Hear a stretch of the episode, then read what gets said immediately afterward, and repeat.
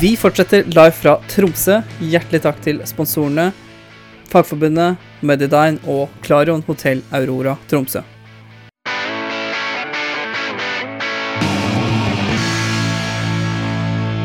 Kan jeg sette meg, eller går det Skal jeg introdusere deg, eller er du selvintrodusert, eller hva? Du må jo introdusere meg. Det er, ingen Ja. som, det er jo ikke sikkert alle har sett på 1 3. Nei. Jeg, jeg kan lese egentlig det som står rett da. Da er det tid for 1-3-stjerne Charles Aune Lundberg.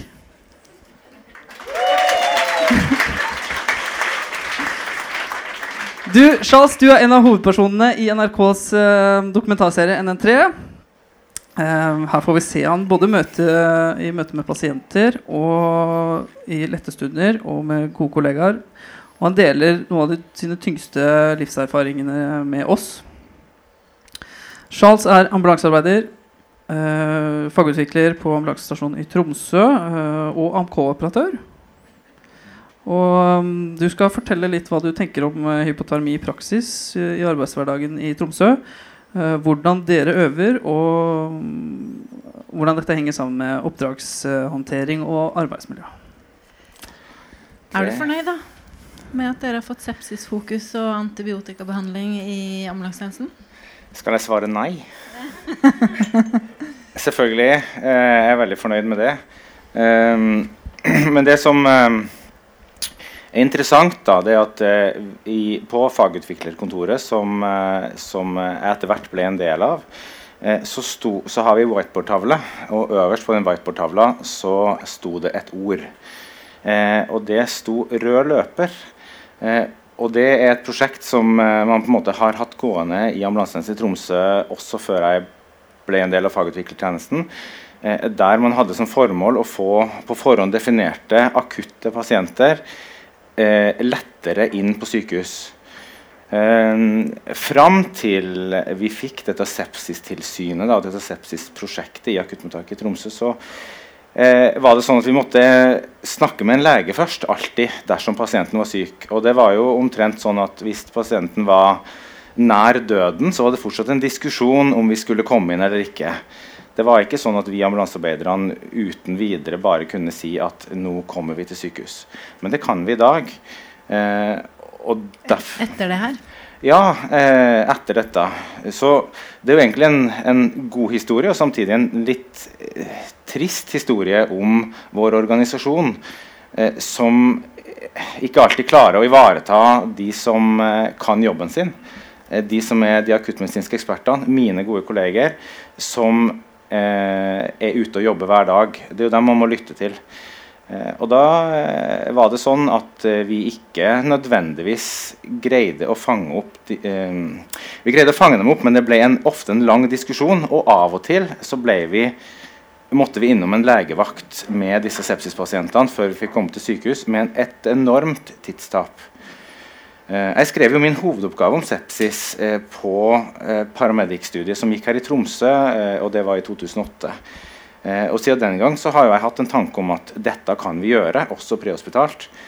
Men organisasjonen vår har dessverre ikke klart å hjelpe meg og mine kolleger nok til at vi eh, mye tidligere hadde fått eh, på plass dette. Da. Så det sto øverst på lista i ti år? Det kan vi si. Og vi prøvde jo da å eh, internt løste dette ved at vi, vi tok eh, eh, kontakt med, med de forskjellige legene som var rundt omkring, f.eks. medisinsk eh, lege, eh, og prøvde å få til møter. Men eh, eh, det var nok for kontroversielt at vi skulle eh, ha antibiotika i ambulansene da. Så, men er det flere pasientgrupper du gjerne skulle rød løpe på? Eh, svaret på det er egentlig ja, men det jeg skal si det er også noe positivt. Når vi fikk dette sepsisprosjektet, når vi fikk dette tilsynet og ledelsen fikk kniven på strupen og måtte gjøre noe eh, Vi måtte jo ta vare på disse pasientene, hvis ikke så fikk de jo eh, noen over seg som ikke kom til å gå bort. Og da eh, kan jeg si at eh, vi har medisinsk mottak, og vi har traumemottak, og vi har også små sepsismottak. Så vi får delt opp disse mottakene på en sånn måte at i dag så vil jeg påstå at vi eh, på mange måter er der i veldig mye større grad enn tidligere. Eh, så eh, det å få inn pasienter får vi lov til. Det som vi mangler i dag, kanskje, det er at vi har enhetlige og gode prosedyrer på en rekke ting. F.eks. brannskader. Eh, der er jeg ikke helt sikker på at vi alltid gjør de samme tingene ute eh, og snakker samme språk. Så hva, hva syns du man skal gjøre for at man skal få til å implementere nye prosedyrer og endre prioriteringer raskere enn det vi gjør i dag? For at akuttmedisinsk kunnskap endrer seg jo ganske raskt nå. Ja, det endrer seg raskt. Og det som jeg starta med, det er at de fremste akuttmedisinske ekspertene det er de som er ute i hverdagen og gjør jobben. De må vi få inn til, på banen. Eh, altså organisa organisasjonen må flytte eh, fokuset sitt fra å være topptung, at det er leger som sitter på et kontor og har livet sitt oppe på kontoret, eh, til å bestemme hvordan vi skal komme videre i tjenesten, til at det skal komme fra bunn, nettopp som han eh, Ståle sa. nettopp, eh, Det tror jeg er framtida. Lytte nedenfra, lytte til de som ja, Ikke bare høre, men høre etter, bruker jeg å si. Mm, Ja. Men hypotermi er jo uh, hovedfokuset i dag. Ja. Uh, vi skal snakke litt om uh, hypotermi med deg, Charles. Jeg regner med at du har noen tanker om det. Du virker som en klok mann sånn sett. Ja. ja. er vi gode nok? ja. ja. Du får tolke, du. Du har sett noe på TV, sant? Ja. Ja. Jeg er litt det, sånn, det er akkurat sånn. Jeg er litt sånn starstruck. Jeg, Ja, ja, jeg var veldig nervøs i stad, og så roa det seg til pausen, og så sto du der. Så, Ja, ja. Så nært, sånn. ja, så nært, men så langt borte. Yes, Er vi gode nok på hypotermi i hverdagen, eh, Charles? Eh, svaret på det er tredelt. Det er ja, og så er det nei, og så er det vet ikke. Du er klok. Utdyp. Eh, vet ikke fordi at vi eh, Hvis vi snakker om ambulansetjeneste som helhet, så aner jeg ikke hva man gjør i, i Harstad, i, min, i, i UNN. Eh, jeg, jeg aner ikke, i alle fall ikke hva de gjør i Bergen. Jo, nå har jeg hørt Bergen. De, eh, de har nok et fokus på det. Så svaret på det er i utgangspunktet vi vet ikke. Og det er heller ikke noen veldig sånn, gode nasjonale retningslinjer for eh, hva vi gjør for utenom det vi nettopp snakka om her, eh, når pasienten er hypoterm alene som diagnose, så eh, tror jeg vi har ganske gode retningslinjer på det, og jeg tror vi følger dem egentlig ganske godt. Og vi følger med, og spesielt det som hun snakka om fra Bergen. vi følger med. Så det gjør vi nok. Men i hverdagen så er jeg ikke helt sikker på at vi eh, alltid er, snakker samme språk. Da. Og, og hvis jeg da svarer ja, så kan jeg si at i, hos oss lokalt i Tromsø så, så, så jobber vi med dette hver dag. Og jeg er overbevist om at mine, mine kolleger har hypotermi som en av sine første tanker når de kommer ut til pasientene. Hvor i ABCDE kommer hypotermi eller da temperatur T inn i bildet i Tromsø? Og nå snakker vi om Tromsø, ikke sant, stort. Eh, da. Og da, først kan jeg snakke om ambulansetjenesten. Eh, I Tromsø så eh, liker jeg å kalle det for ABT CDE omtrent. Fordi at T-en kommer jo egentlig på E. Men eh, i praksis, og da snakker vi om, altså spesielt om skadde pasienter som ofte kanskje ligger ute eller i hjemmet sitt, så er det sånn at ja, de har fri luftvei. De puster godt nok til at vi kan få dem til et varmt sted. Og så gjør vi videre primærundersøkelse eh, da. Eh, Så, så det er i hvert fall tanken, eh, og vi øver på det, eh, vil jeg påstå. Så ja, vi kan jo Nei, da tenker jeg at da, altså, da flytter du også fokuset veldig langt fram. da mm, du, du har øh, større fokus på hverdagshypotermien. Altså om det er hjemme i stua på ei som Ja. kaldt og vinter og ikke har råd til å kjøpe ved, eller ja. ja. Hvordan skal man unngå å bli tidstyver, da, som man fort kan bli eh, hvis man bruker for lang tid på ja, da tenker jeg at vi, primær? Da tenker jeg at vi må forstå hva ordet hypotermi betyr i i praksis i de forskjellige tilstandene som pasienten kan ha. Eh, og Hypotermi er jo kanskje ikke nødvendigvis det samme på et lårhalsbrudd eh, vi tenker på det, en gammel dame, som hvis vi har en stor, alvorlig trafikkulykke der man sitter ute i blåst og kaldt eh, vær. Og det som jeg mener med det, det er at da må vi øve, først og fremst. Eh, vi må øve, og så må vi tolke de ordene vi har. Eh, og med å øve så mener jeg at eh, vi kan godt sitte sammen, jeg og mine kolleger, i eh, ambulansestua vår, for det er jo det eneste rommet vi har. Vi både øver, spiser, sover, drikker, prater vitser, og vi fjerter og hva nå enn vi gjør i den der stua, tar blodkulturer. I den stua der så sitter vi altså og kan snakke om dette temaet her, hypotermi, når vi øver. Og så går vi ut så, eller vi kan gjøre det på gulvet, og så gjør vi det helt, helt annerledes enn vi nettopp har snakka om. Inne, Og så kan vi også gjøre det helt annerledes hvis vi eh, gjør det rett utfor døra. Eh, og det er ganske interessant å observere at vi ikke alltid gjør det helt likt. Så eh, det er bare snakk om en uke, to uker siden så eh, tok vi vår gode lærling eh, da hun er Sunniva, og så hadde vi ikke på henne så mye klær, sånn som vi sitter her. Jo da, hadde disse klærne hun har på seg her. Ti minus ute, vind, kaldt ute på verandaen rett utenfor døra. Vi kasta ut der, og så låste vi døra. Hun var, hun var, sminka, og hun ble ganske fort kald. Hun syntes det var veldig ubehagelig å være der. Og la seg på snøen uten og under. Eh, og så skulle vi prate ferdig, da. Men der lå hun, og vi øvde på at nå må vi prioritere hypotermien først. Men det som skjer, det er at vi går ut, eh, og så gjør man noe annet. Vi har et annet behov. Vi må få undersøkt denne pasienten. Vi må jo vite. Vi hadde komplisert det såpass at man tenkte at man måtte komme videre fra eh, på en måte AB. Eh, og det var et pågående C-problem. Åpenbart pågående C-problem. Det er et pågående B-problem. Altså, eh, for de som ikke vet hva det betyr. altså pusteproblemer, eh, pågående pusteproblemer, og sirkulasjonen var åpenbart eh, påvirka. Vi spilte at du hadde ramla ned fra seks meter og rett ned på en betongkoloss. eh, kan du si. Og det man gjør da, man begynner å eksponere. Vi må vite, vi må forstå, vi må kjenne. Eh, vi må ha kontroll. Og det gir oss et perspektiv på at eh, selv om vi øver, så eh, Eller selv om vi snakker om det, så må vi øve. Og Sunniva, var hun fornøyd med behandlingen? Sunniva var isefette kald.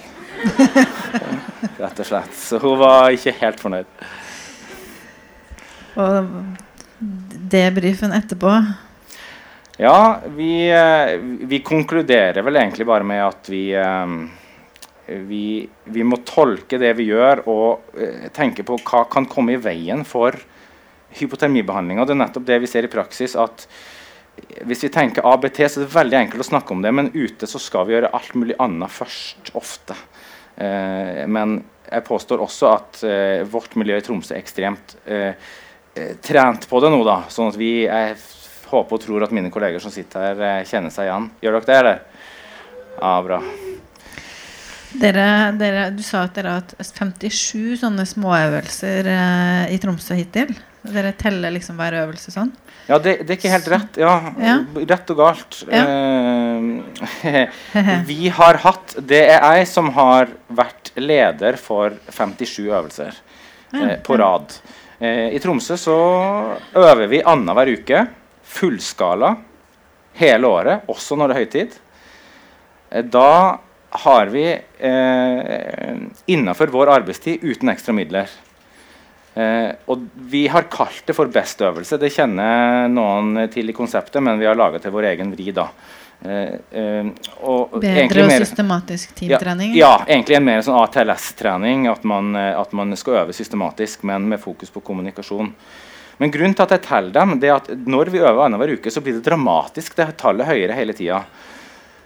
Og da er det sånn at eh, Vi øver fullskala. Vi har, som hos Sunniva nå, hun var sminka. Eh, så vi har egen sminkør som kommer til oss eh, hele tida hver annenhver torsdag. Vi har egne markører, og vi øver i arbeidstida eh, fra klokka åtte om morgenen. Eh, klokka kvart over ni så skal vi levere i et fullskala traumemottak. Der står det 15 mennesker og venter på oss. Eh, og Grunnen til at vi i ambulansetjenesten øver på det, det er at dette traumemottaket det er, eh, vil være der egentlig uansett. For de har som en del av sine prosedyrer tenkt til å øve. Eh, og da har vi kastet oss på, og vi har med legevaktslegen, så vi får øvd med legevakta så ofte de kan. Og da vil jeg si, Innenfor disse øvelsene så er det veldig interessant å være observatør. fordi det som skjer Når vi ambulansepersonellet kommer inn og leverer, så er vi observatører. Og inne så eh, ligger de innenfor dette ATLS-prinsippet og øver først A, og så skal vi gjøre ferdig A før vi gjør B, og så går vi videre. Og hypotermi det kommer på, på E. Så de ble isefette kalde inne også? Ja, i alle fall fram til at jeg har kjefta nok på dem. kan du si. Og det, det hele poenget at vi kan gjøre hverandre gode. Vi skal være lagspillere når vi skal eh, øve og bli gode. Og vi kan nemlig ikke oppdage disse problemene som A, B, C, D, E gjør med oss. Eh, ved at man eh, ikke klarer å, å, henge med på hypotermi. En av de siste tiltakene som vi har fått innført i traumemottaket i Tromsø, det er at eh, portøren han er bearhugger-ansvarlig. Sånn at Han har som eneste oppgave å brette på når legene kommer og bretter av.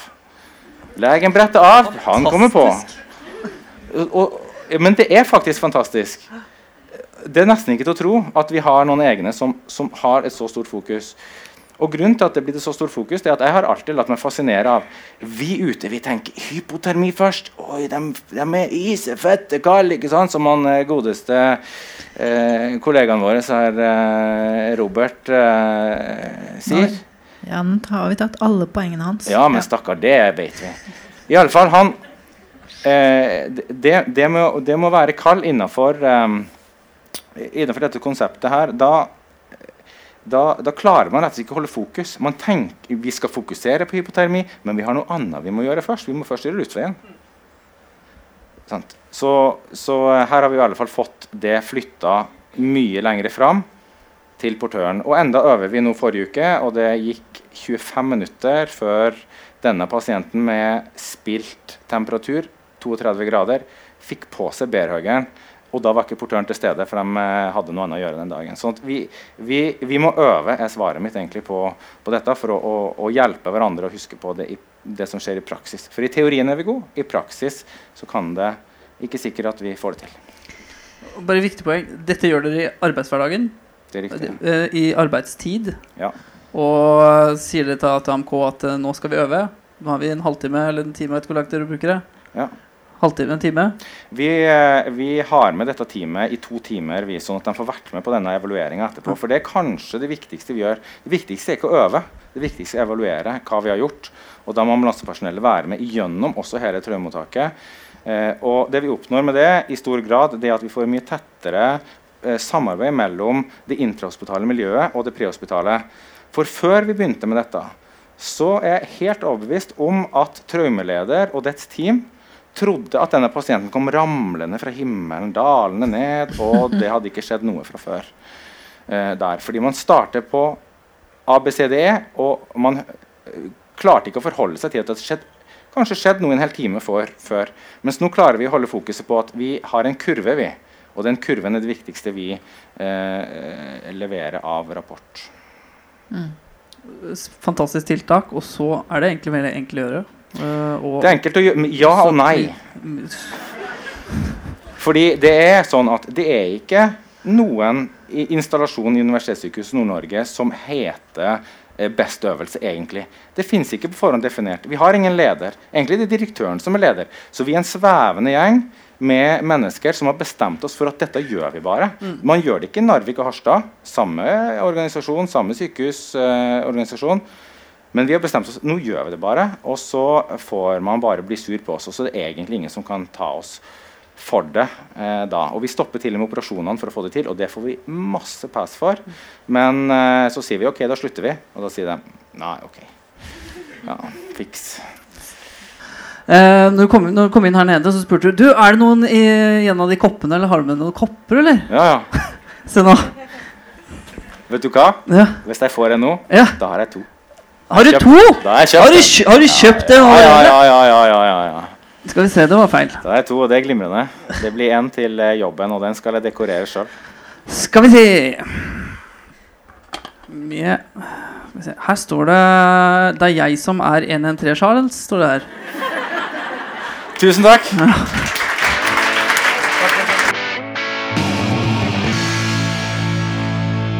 Robert Ise Fettekall Olsen. På noen få uker har han blitt rikskjendis etter noen episoder av NRKs dokumentarserie. Eh, drar han på butikken, så kommer han ikke hjem, så nå er det kona som drar på butikken.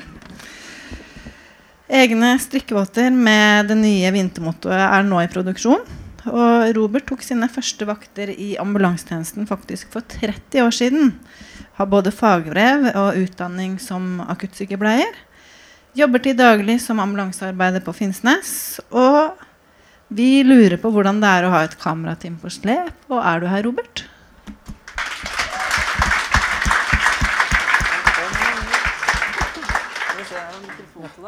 Aller først, da, så lurer jeg på kan jeg få komme på middag på stasjonen din. For jeg blir så sulten hver gang jeg ser på en entré. Og du er på skjermen. Det er ikke tull engang. Ja, det har vært helt utrolig, det der det opplegget der. Altså. Det er mye god mat der dere jobber. Vet du hva, vi har eh, Som jeg sa i den episoden, eh, de blir kraftig tilbakevist i ledelsen på eh, utsagnene om junkfood. Virkelig. ja, du, eh, det, og de, de går sine runder fra kontoret når de begynner å bli sultne og kjenner matlukt. Så, så kommer de. Ja, ikke sant. Du, hvordan var det egentlig å bli eh, rikskjendis og ambulansestjerne? Vet du, eh, da vi fikk forespørsel om å være med på det her, så hadde jeg ikke begrep om hva det der kom til å, eh, kom til å bli. Jeg visste jo ingenting om opplegget. Ja, det var, det var Hvordan skal jeg si det? Altså, vi fikk en forespørsel, sant? og så var vi på et lite intervju. Og så visste vi ingenting egentlig på en stund. Og så fikk vi plutselig beskjed om at nå ja, de kunne tenke seg å jobbe med oss, da. Og det var jo for så vidt eh, helt greit. Så, eh, som sagt, ingen, eh, jeg hadde jo ingen forventninger til hva, hva det her kom til å bli. Jeg visste jo heller ingenting om hvordan det kom til å utarte seg. sant? Annet enn at vi får kamerafolk med oss. Vi jo, fikk jo vite etter hvert at det skulle være GoPro-kamera i bilen, og det skulle være kameramann med. Og ja Ganske uvanlig hverdag. sånn. Så, så, så, eh, så du var egentlig med på en audition, du, da? I starten der? Nei, altså, de ville snakke med oss og ville sikkert finne folk som hadde en historie, kanskje. Og som kanskje var i stand til å formidle noe og prate. Ikke bryr seg så mye om kamera. Og det ja, det kameraet har ikke jeg brydd meg så veldig mye om. i hvert fall. Jeg er litt mer interessert i å eh, finne mute-knappen på den her mikken. Sant? Når du går på Du trenger ikke ta med på do og ha den på opptak, liksom. Så den fant vi ganske snart. At eh, når du har det med deg eh, time etter time, så må du ha litt privacy. og uh, den var med overalt. sant? Og, men eh, altså, den siste biten inn til massasjestolen, da liksom Der. Dit. Men ikke lenger. Ikke massasjestolen? Nei, da, da, der kan man jo få fred. Synes jeg. Så ellers var de jo med på alt. Dere har massasjestol på Finnsnes? Thomas Hansen fiksa fra en eller annen vannskadesak. Helt nydelig, fin massasjestol. Kroner null. Så det var All Alle ære til han Thomas, og den er flittig brukt. Jeg bare advarer nye folk om at du tar den selvfølgelig ikke på mage, du ligger på rygg. ja. Så eh, selve NN3-serien, det var jo en, en, helt eh, det er en helt utrolig affære. Altså. Det, er som sagt ingen forutsetning for å vite hva det her kom til å bli. Og med eh, de første seertallene og, og, og plutselig P3-morgen og Den var jo litt kjente jeg ble både rød og varm. Og for jeg hadde ikke forventa den. altså. Ja, den glemte jeg å putte inn her. Søren, altså. Ja, den, eh, den var ganske inter interessant opplevelse. Men hvordan var det å ha med seg kamerateamet på jobb, da? For å si sånn, I begynnelsen så var det, man var litt opptatt av eh, altså, Man hadde jo denne saken her, så her er det en liten sånn her greie bakpå her. Og, så, og kameramannen han gikk nå i rødt. Og du blir jo kjent med dem. De er jo med på alt. De eh, spiser sammen. og så du blir fort kjent med dem, og da var de en, en del av gjengen. Sant? Så da, Jeg glemte det av det Kan Jeg gidder ikke bry meg så mye om det. egentlig. Spesielt ikke når det er på sånne her oppdrag der, det er litt, eh, der du må ha en stålfokus på pasienten, så er iallfall helt borte. Og det hørte man jo tydelig bevis på i, i denne serien. her, at da, da, var, da var man eh, i nuet, for å si det sånn. Måtte du spørre først eh, pasienter og pårørende at det var greit å komme inn, eller Nei, vet Busa Der tok han seg av. Vi hadde ingenting okay. med det å gjøre. Ja. Så, så de, de ble, der ble man, eller pasienten eller de rundt deg ble oppringt. Altså, eller under EMK-samtalen innbiller meg da, ja. at de blir forespurt. Og kameramannen var med inne, og så ble det tatt med pårørende der og da. Og så sånn samtykke sånn kjapt først, og så ble det mer informasjon og sånt etterpå. Var De har jo hatt mulighet til å trekke samtykke hele veien. var det noen som sa nei, liksom Ja. sånn initialt? Den episoden som var nå, Ja. der så vi kom jo til sykehjem. Der var det en eh, pasient som plutselig bare ble lempa inn i et helikopter og sendt av gårde. Det var et, et, et sånt tilfelle. Mm. En ganske dramatisk eh, sak med hjerneslag og mye, mye armer og bein og familie og Ja, for å si sånn, i et lite, lite rom på en sykehjem så var det vel sikkert ti stykker inni der. Det var, det var jeg er glad det var vanvittig, egentlig. Eh, Men Var det utfordrende i forhold til eh, personvern og taushetsplikt og, og sånne ting? Ja, det er jo akkurat de tingene Hadde som- kjøreregler, eller Ja. Ja, nei, NRK hadde, de hadde jo eh, Vi snakka jo også med pasienten om det her, eller pårørende. sant? I hvert fall gjorde jeg det. Jeg kan jo snakke for meg sjøl akkurat i dette tilfellet. Men eh, så vil jo gjerne kameramannen kunne forklare nærmere angående det her, og så vil det bli tatt opp med, med de i ettertid, og så får de jo se dem, det de er med på. Så, så NRK har jo hatt en kjempejobb med å klare å få det her ordentlig. Så at, det, så at det blir rett sånn juridisk. Altså, for, for samtykke må de ha. Så ikke får de ikke lov å vise det. Så, og det har jo noe med å motivere pasienten og informere pasienten og pårørende. For jo mer de informasjonen får, jo lettere er det å kanskje akseptere det. Sånn. Forstå gangen i det. Ja, det er en stor prosess, og så folk vil jo bare ha mer. Så Ja, seertallene taler for seg sjøl. De hadde jo 50% av hele TV-markedet i, i hvert fall i T4 første episoder. Det er jo enorme tall. Folk er interesserte i arbeidshverdagen vår. Folk er nysgjerrige på hva, vi egentlig, hva som er inni sykebilen, og hva vi egentlig driver med. ja, de vet ikke. Nei? Nå vet de litt mer. Ja. Og eh, det er jo fantastisk og flott å vise hva vi holder på med.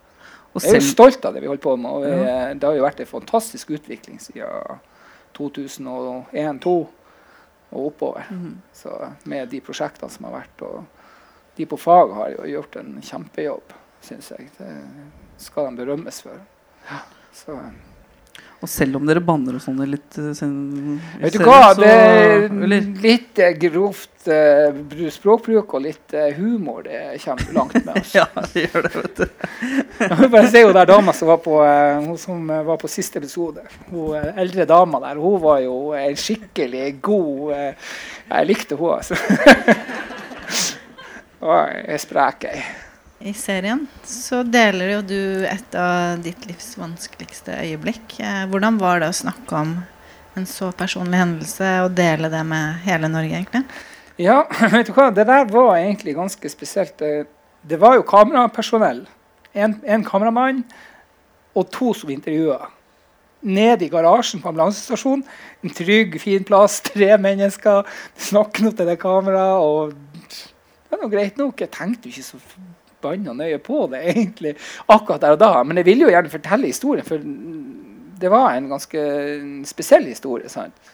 Og etter hvert så, så skjønte jeg jo det at uh, den historien kom til å bli brukt. Og jeg har jo snakka mye med Helga Bones. Og ja, det er en uh, veldig spesiell historie å fortelle. Og det er klart at når, eh, når du ser den der på TV og får den i trynet, så ble det jo litt sterkere enn jeg hadde tenkt.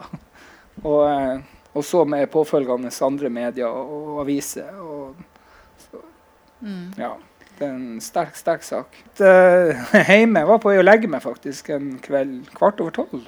Så ringer datamaskinen, Skype. Den vanlige kanalen jeg prata med faren min på. Og det var en, eh, en ganske Jeg skjønte jo på klokka at nå, hm, han ringer ikke klokka sju om morgenen på lokal tid for å prate skit. Det bruker han ikke gjøre. Så, eh, så jeg tok jo av der, og da var det jo kona som holdt datamaskinen opp og visste, så jeg så jo det som skjedde, og hørte lyder. Og det var jo tre stykker i det rommet der, da. Og den dramatikken som var der. Og sitte der og se noe sånt på andre sida av jordkloden må være ute av stand. Prøvde jo på engelsk, men språkbarrieren var helt enorm. Altså. Den er, de prater ikke noe spesielt godt engelsk i Thailand. Så um, det var en, eh, en rimelig, rimelig guffen affære. Altså. Du, du sitter der rimelig matt og tom etterpå og lurer på hva i faen som skjedde egentlig. Men eh, ja, det var, det var jo en av grunnene at jeg ville fortelle den egentlig etterpå. Altså at eh, når Dagbladet ringte og ville ha litt mer, sant?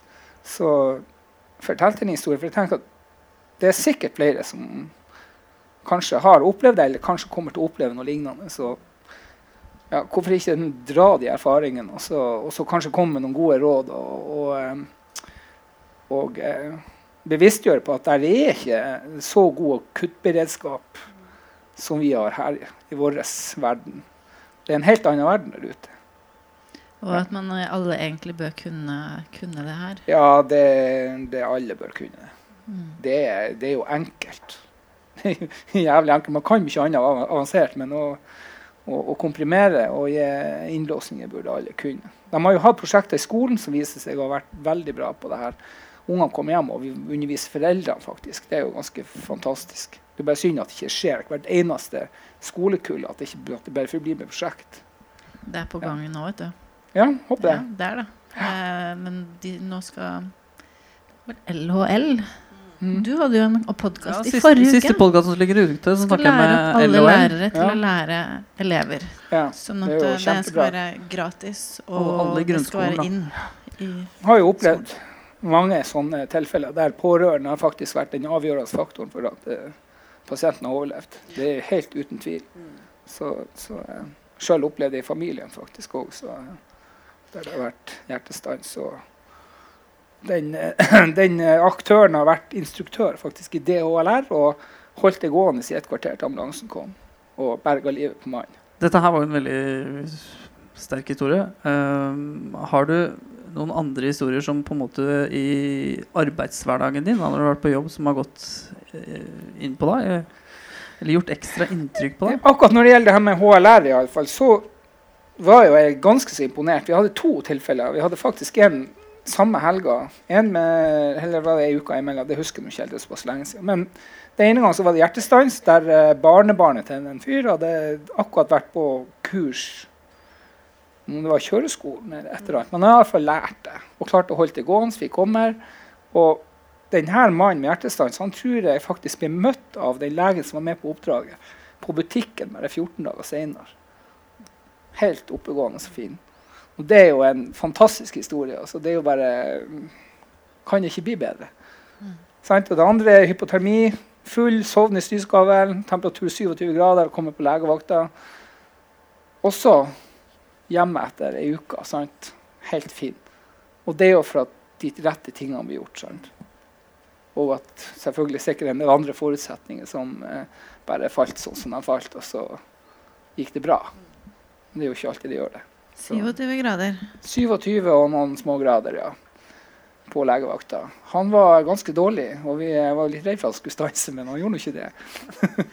Så han var en sterk en tater, han holdt på å si. ja da. Nei, så, eh, så det, det er jo historier som har gått bra, da. Det er jo alltid noen ting som ikke går bra. Men det, det er jo sånn man, det er jo de, de historiene man husker. Jeg husker sjelden et oppdrag to dager etterpå. De er glemt og arkivert og borte. Så Tenker vi tar og avslutter det her. Eh, Gjett hva jeg har til deg, ja. Ja, skal vi se Tror jeg har uh, votter som har samme fot. Skal vi se.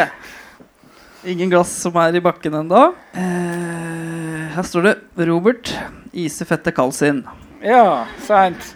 Det er kald drikke som skal her, altså. Tusen takk for at du ville kom på scenen. Ja, ingen årsak.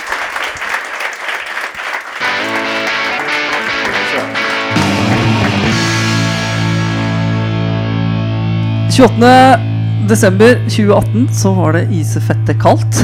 um, 14 eh, personer om bord på tråleren Nor Northguider i Barentshavet gikk uh, på grunn og inn, begynte å ta inn vann. Uh, det er 22 minusgrader, og det er kraftig vind i området. Arne Marius Pettersen han er redningsmann uh, på ett av de to helikoptrene som er på, på Svalbard. Arne Marius, du skal ta oss med på jobb denne dagen. På redningsaksjonen. Skal vi begynne med en film som vi har sett av Arne Marius? Jeg vet ikke om, vil du fortelle litt om den først? Ja, nei, det her er jo veldig mye sånn klipp og lim, da. Eller klipping. For uh, vi skal på en måte Ja, her er jo nødmeldinga. In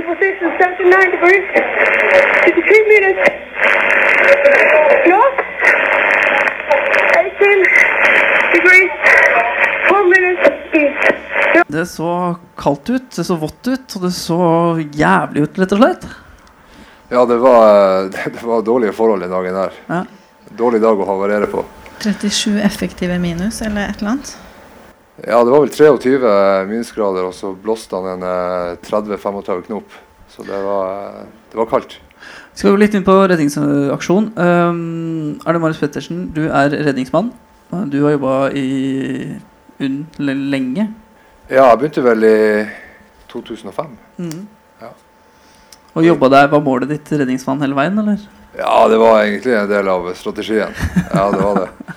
Litt ved de som uh, har mål da, til uh, den, uh, den veien der, om å bli redningsmenn. Hva er dine tips? Altså, du må ville det. Du må være seriøs, og du må, du må, eh, du må følge den nasjonale standarden. Som, eh, som, som på en måte er ei smørbrødliste med ting du skal, skal ha kunnskap om og beherske. da. For det er det du vil bli testa i den dagen du, du eventuelt kommer deg inn på et opptak. Eh, så bruk den som veileder, og, og jobb målretta mot de tingene. Så eh, det er egentlig utgangspunktet ditt. da. Det er mye bra folk, det er et trangt nåløye. Så du må være så bra som du kan være i forhold til, eh, til den her standarden. da. For det, Før dette så har du jobba åtte år som ambulansearbeider i Tromsø, ikke sant? Ja, jeg begynte i, i distrikt Lyngen. Eh, Lyngen, ok. Ja, og så Ja. jobba jeg et par år der, og så begynte jeg vel i jeg tror det var 07 eller 08 i Tromsø. Ja. Mm. Og så kom du inn for fem år siden i, som redningsmann på Ja. Svalbard. ja. Vi er nysgjerrige. Vi skal bli med deg på, på jobb denne dagen. Mm. Eh, en eh, vanlig dag på Starta som en sikkert vanlig dag på jobb. Ja, Det er jo midt i romjula, så Ja. det er jo ikke en vanlig dag på jobb. Det er jo, eh, det er jo ikke akkurat høysesong på Svalbard. Det er lite folk i terrenget. Og denne dagen så er det én båt i, i, eh, ja, rundt øygruppa. Så det eh, Ja. Det er, en, det er nedsatt aktivitet på basen. Når fikk dere meldinga Eller hva var meldinga inn til AMK? Eh, Eller eh, HRS? Ja, det går vel uh, via HRS. Uh, eh, det var jo den meldinga vi hørte hun, hun eh, styrmannen leste inn. Sant? Og det var jo eh, at eh, de er 15 personer om bord. Og de uh, går på grunn. Hinlopen Strede. Det er en plass vi kjenner godt til. Eh, og at de uh, trenger eh, umiddelbar støtte. da.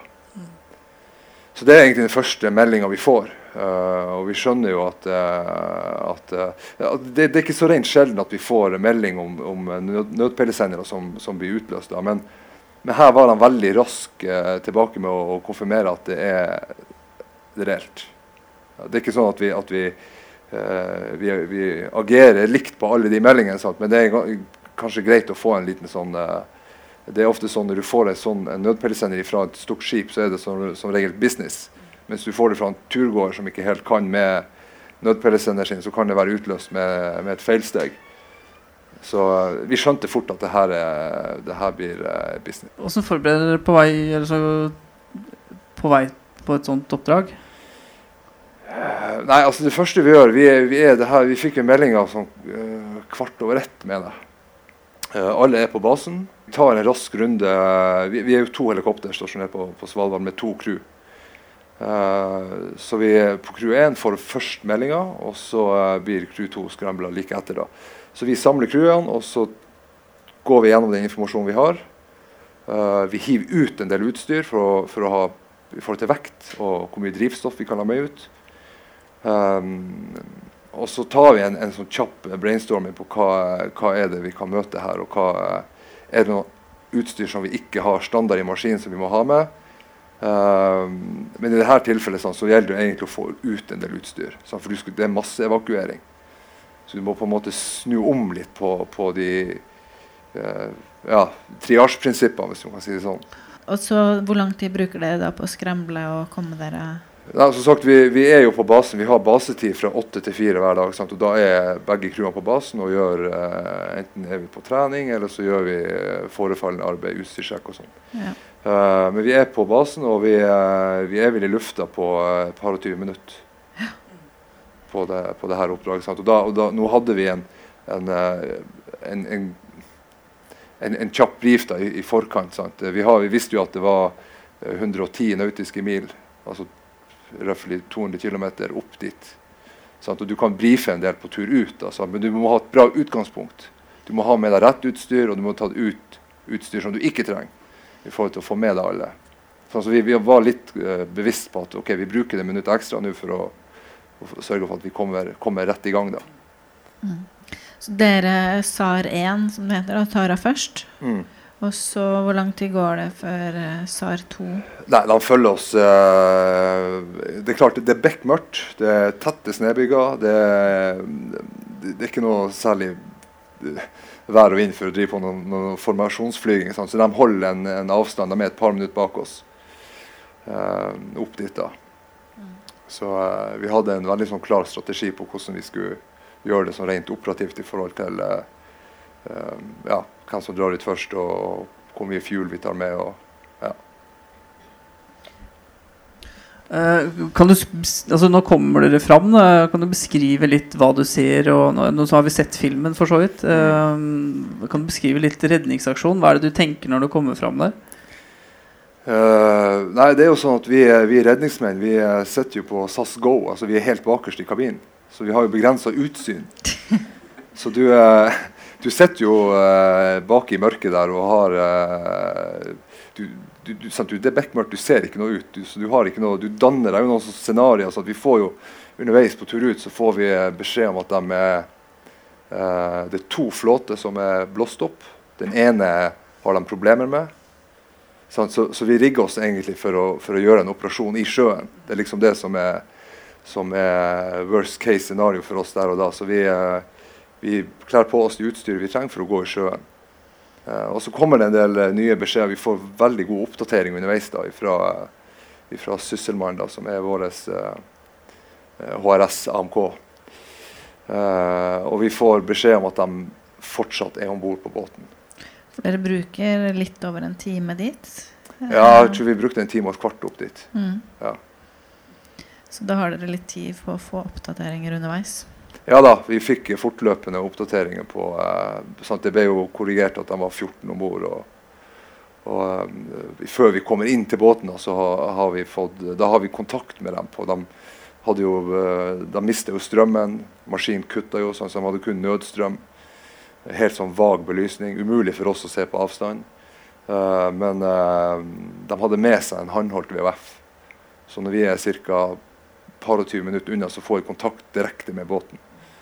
Og Da bekrefter de at de er om bord på båten, men de er usikre på hvor lenge de klarer å Pga. at han lå såpass skakt, og det kom Tungsjø inn ifra som drev og, si, flytta han mens han Så da snakker dere med de direkte de siste 20 minuttene, ja. altså? Ja. Mm. Men sant, det, det, er jo ikke, det er jo ikke telefonlinjer. Det er, jo, det, er jo, veldig hakkete og skurrete. Så det er korte, konsiste beskjeder. Sant? Vi får egentlig det vi vil vite. Ok, de er om bord i båten.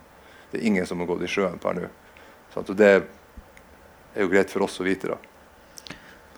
Ehm, selve redningsaksjonen, hva, hva, var de største utfordringene der?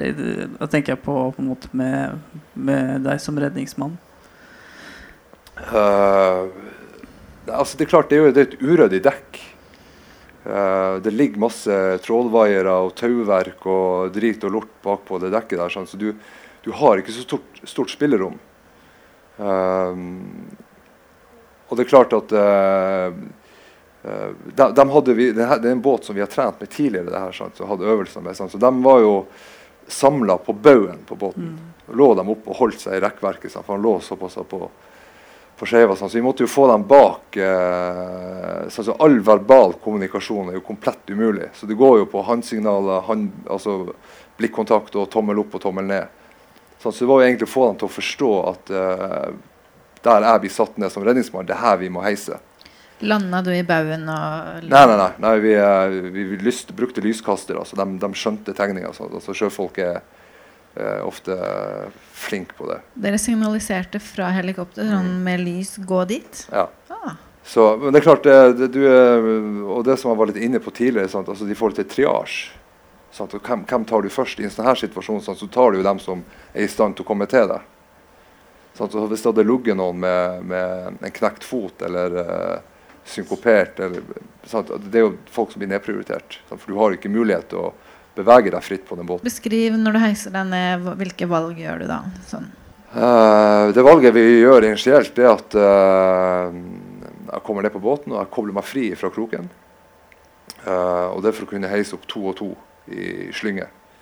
Så at du har to forulykker per løft, altså per heising, kontra å bruke meg og en pasient. sånn, så går, det går raskere. Eh, og vi starter ut med det, eh, og det fungerer for så vidt greit. Men eh, båten gjør en del sånne bevegelser der jeg tenker på et, spesielt på et tidspunkt der at nå tipper hele skuta. Så nå, er- nå er vi på tur å gå rundt. Og da var jeg frikobla fra vaieren. Og det er en jævlig kjip feeling. For da tenker du at da havner du i sjøen, sant? og det, eh, Hindlopen altså det, det, er jo et, det er et sund. Sant? Du har vind, og du har strøm. Sant? Så du, det går såpass fort idet du treffer vannflata før du blir kasta uti det. Så det var, det var lite ønskelig. Så jeg var litt irritert på meg sjøl akkurat når, jeg, når vi fikk de dønningene og båten begynner å sånn at det er nesten 2000 tonn som, eh, som, som driver og Vi er jo ofte på båter, sant, og vi kjenner jo til de bevegelsene. At de har roll og pitch og alt det her. Men her er en båt som i utgangspunktet ligger i ro på grunn. Så når han begynner å slå imot det, det føltes ikke bra. Så Det var, det var guffent. Så da kommer heisvaieren ned. Jeg kobler meg til vaieren igjen, og så tar jeg én og én. Hvor mange har du heist da før du Fire stykk. kobler Altså to opp, ja, to Ja. runder opp? Mm. Mm. Så kobler du deg på igjen. Jeg var rask å komme på den da. Når det kom ned igjen, ja. Eh, 14 stykker? Nei, hvor mange redda du opp? Ti. Mm. 10 stykker. Ja. Og så kom eh, helikopter nummer to inn og tok de fire siste. Hvor lang tid bruker du på en måte på Hvor lenge driver du i redningsaksjonen med å få opp de ti stykkene?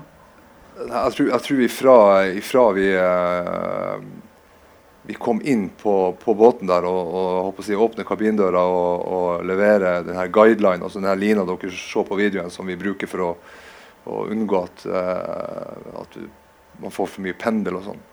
Eh, så tror jeg vi brukte et par og tyve minutter på, eh, på de ti første. da. Det er ganske effektivt. Ja, det, det, det var så fort som vi klarte å gjøre det under de forholdene der. Og Det som er litt deilig i etterkant, er at man, man merker jo at vi, vi, vi kommer litt inn i det. Sant? Altså Pilotene som skal holde helikopteret stabilt og med begrensa referanser. Sant? Du har et referansepunkt som ligger sånn. Altså Den gyroen du har i hodet, blir jo Så når vi kommer litt inn i operasjonen, så, så går ting eh, eh, bra. Altså, det, det er en veldig liksom, betryggende feeling. da. Så hvordan var stemninga blant fiskerne da når det etter at de var heist opp? Det er klart, altså Vi sitter jo som sild i tønne der bak. Det er jo, eh, men det er klart, det, er jo, det er jo tommel opp, og, og du ser jo på dem at de har vært igjennom et, eh, et, eh, et helvete, for å si det sånn. Å ligge på en skakk skakkbåt på nesten 80 grader nord. Eh, det er ikke noe særlig. Så de, de, de er jo prega, men de er, de er som sjøfolk flest. De er fatta og, og eh, Eh, hun, hun ene sa jo til oss at uh, når vi, vi landa og, og fikk henne inn i hangaren, så sier hun at eh, eh, Ja, det her var ikke noe særlig artig. Jeg sier oh, OK? Ja, altså selve flyturen. så, Så de, de, var jo, eh, de var jo hele ved, for å si det sånn. Var det noen skader? Eh, det var eh, noen små lokale frostskader. Og så var det vel eh, ribbensbrudd. Så eh, ja. Hva slags utstyr har dere til å gjennoppvarme kalde fiskere? Nei, altså det, det var jo en ting vi, vi, vi, si, vi supplerte med. Vi tok jo det vi hadde av sånne kjemiske varmetepper og, eh, og sånne jervenduker med, som vi håper si, fylte opp maskinen med. Uh, så det er jo det vi har til ekstern oppvarming i helikopteret. Så, men tok de av seg dressene da, eller eh, i Nei, de, de, de fleste hadde, hadde De var jo, altså de var jo kalde. De, eh, de har jo håper jeg, sittet på dekk i de her eh, i det været der. så de, de fleste hadde draktene på. De, de løsna litt på hetta og, og, og, sånne ting, men jeg tror ikke det var noen som tok av seg draktene om bord i maskinen. Brukte den som fuktsperre? ja, du blir rimelig klam i, i en sånn neoprendrakt, eh, i hvert fall når du kommer eh, opp i maskinen. Vi hadde jo alt av heating på maks da, for, å, for å få opp temperaturen. Så, men hvis dere hadde fått noen virkelig hypoterme, da, hva, hvordan ville dere behandlet dem tilbake til Longyearbyen? Ja, det er et jævlig godt spørsmål. Ja. Uh, vi, vi, uh, jeg og legen vi drøfter det på tur ut, faktisk. At uh, hvis det viser seg at vi får en, en bevisstløs som, som skulle stanse baki der, sant? når du har ti stykker i overlegningsdrakt bak i kabinen Og det er klart at eh, det hadde vært særdeles begrensa arbeidsrom for å få til noe kvalitetsjobb der. Men eh, altså, vi hadde prøvd, selvfølgelig. Vi hadde, hadde Lukas med oss. Kanskje vi har greid å smøye den på på et vis og fått flytta om på litt folk. Og, men eh, det var trangt der bak, altså. Det var det. Hva lærte dere mest av Eller hva lærte du mest av et sånt redningsoppdrag? Nei, altså det er jo at, at si, Den grunnpilaren i den jobben her, det er jo den treninga vi gjør. Altså, si, året rundt. At vi er, vi er konsekvent med å trene reelt. Og vi å være eksponert på treninga med å oppsøke litt sjø og, og dårlige forhold. Og, ehm, det er egentlig det vi, vi klapper oss litt på skuldra på etter en sånn her aksjon. Det er at eh, det viser seg at det, For det er jo håndverk. Mye av det her som foregår. sånn at Du må ligge i ryggmargen din kobling av karabiner og jobbe med tauverk og, og sånne ting. Så det er kun trening, trening, trening. trening sant? Uansett om vi er ute på en, på en, eh, på en båt i, i, ute i Isfjorden på, på en solskinnsdag? Så, så har du liksom det i bakhodet at du skal trene som at det er reelt med dårlig sikt og bevegelser. Og, så um, det tror jeg er den største erkjennelsen etter et sånt oppdrag. Det, vi gjør noe rett, altså. Veldig spennende å høre om. Og hverdagen deres er rolig, rolig, rolig. Og så er det, når det er oppdrag, da gjelder det. Er det litt sånn? Ja, det er jo egentlig det. det er, altså, Svalbard er jo en spesiell base på mange måter. Det, jeg bruker å, altså, det, det, det, er en sånn eventyrbase. Så du får vært med på, på, på så mye rare typer oppdrag sant, som, som, redd, som ikke har noe med redning og medisin å gjøre. Eh, men så drar det seg jo til av og til. eksempler på det, da. Ja, altså, vi har jo, vi har jo uh, sederte isbjørner bak i maskinen som vi, uh, som vi har uh, flydd av gårde. Sant? Og, det, ja. Håper han ikke våkner, liksom. Ja, altså, du, vi, har, vi har jo folk som, som er kyndige på isbjørn og, og som kan, kan de greiene der. Da. Men klart, altså, vi, vi, vi blir eksponert for mye rart. Da, sant? Og, og oppdragsmengda på, på SAR og, og sånne oppdrag så det ligger rundt mellom 80 og 100 oppdrag i året. Så det er jo et relativt lite volum. Men det er jo primæroppdrag. Sant? Du, er ikke jo ikke hentet på noen lokal legevakt og flyr mellom noen sykehus. Sant? Du er jo i felt eller på en båt. Så det er jo litt snert over de oppdragene. vil jeg si.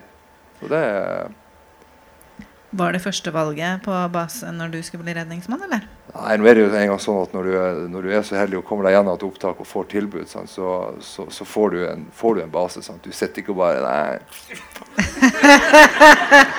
Sånn er, sånn er ikke den verden. Du, du, du får en base, og, og, og, og der blir du. Sant? Og, og det, det, du kan selvfølgelig søke deg om på, på andre baser, sant? men det er jo forskjellige operatører. Så du må gjennom hele prosessen på nytt igjen. Med opptak og det, sant? Så det er ikke noe fri ferdsel at du kan ta på deg redningsmannskapsen og bare surfe imellom. eh, Det er, det er en ny lukka dør når du skal, når du skal bytte arbeidsgiver. Så, eh, men eh, jeg har det veldig fint på Svalbard. Jeg trives veldig godt i den operasjonen. Tusen hjertelig takk. Bare hyggelig. Arne Marius Pet Pettersen, hjertelig takk for at du kom. Uh, har du noe bak her, vet du? Arne Marius bodd Barentshavet 1-0. Vær så god. Hjertelig takk for at du kom.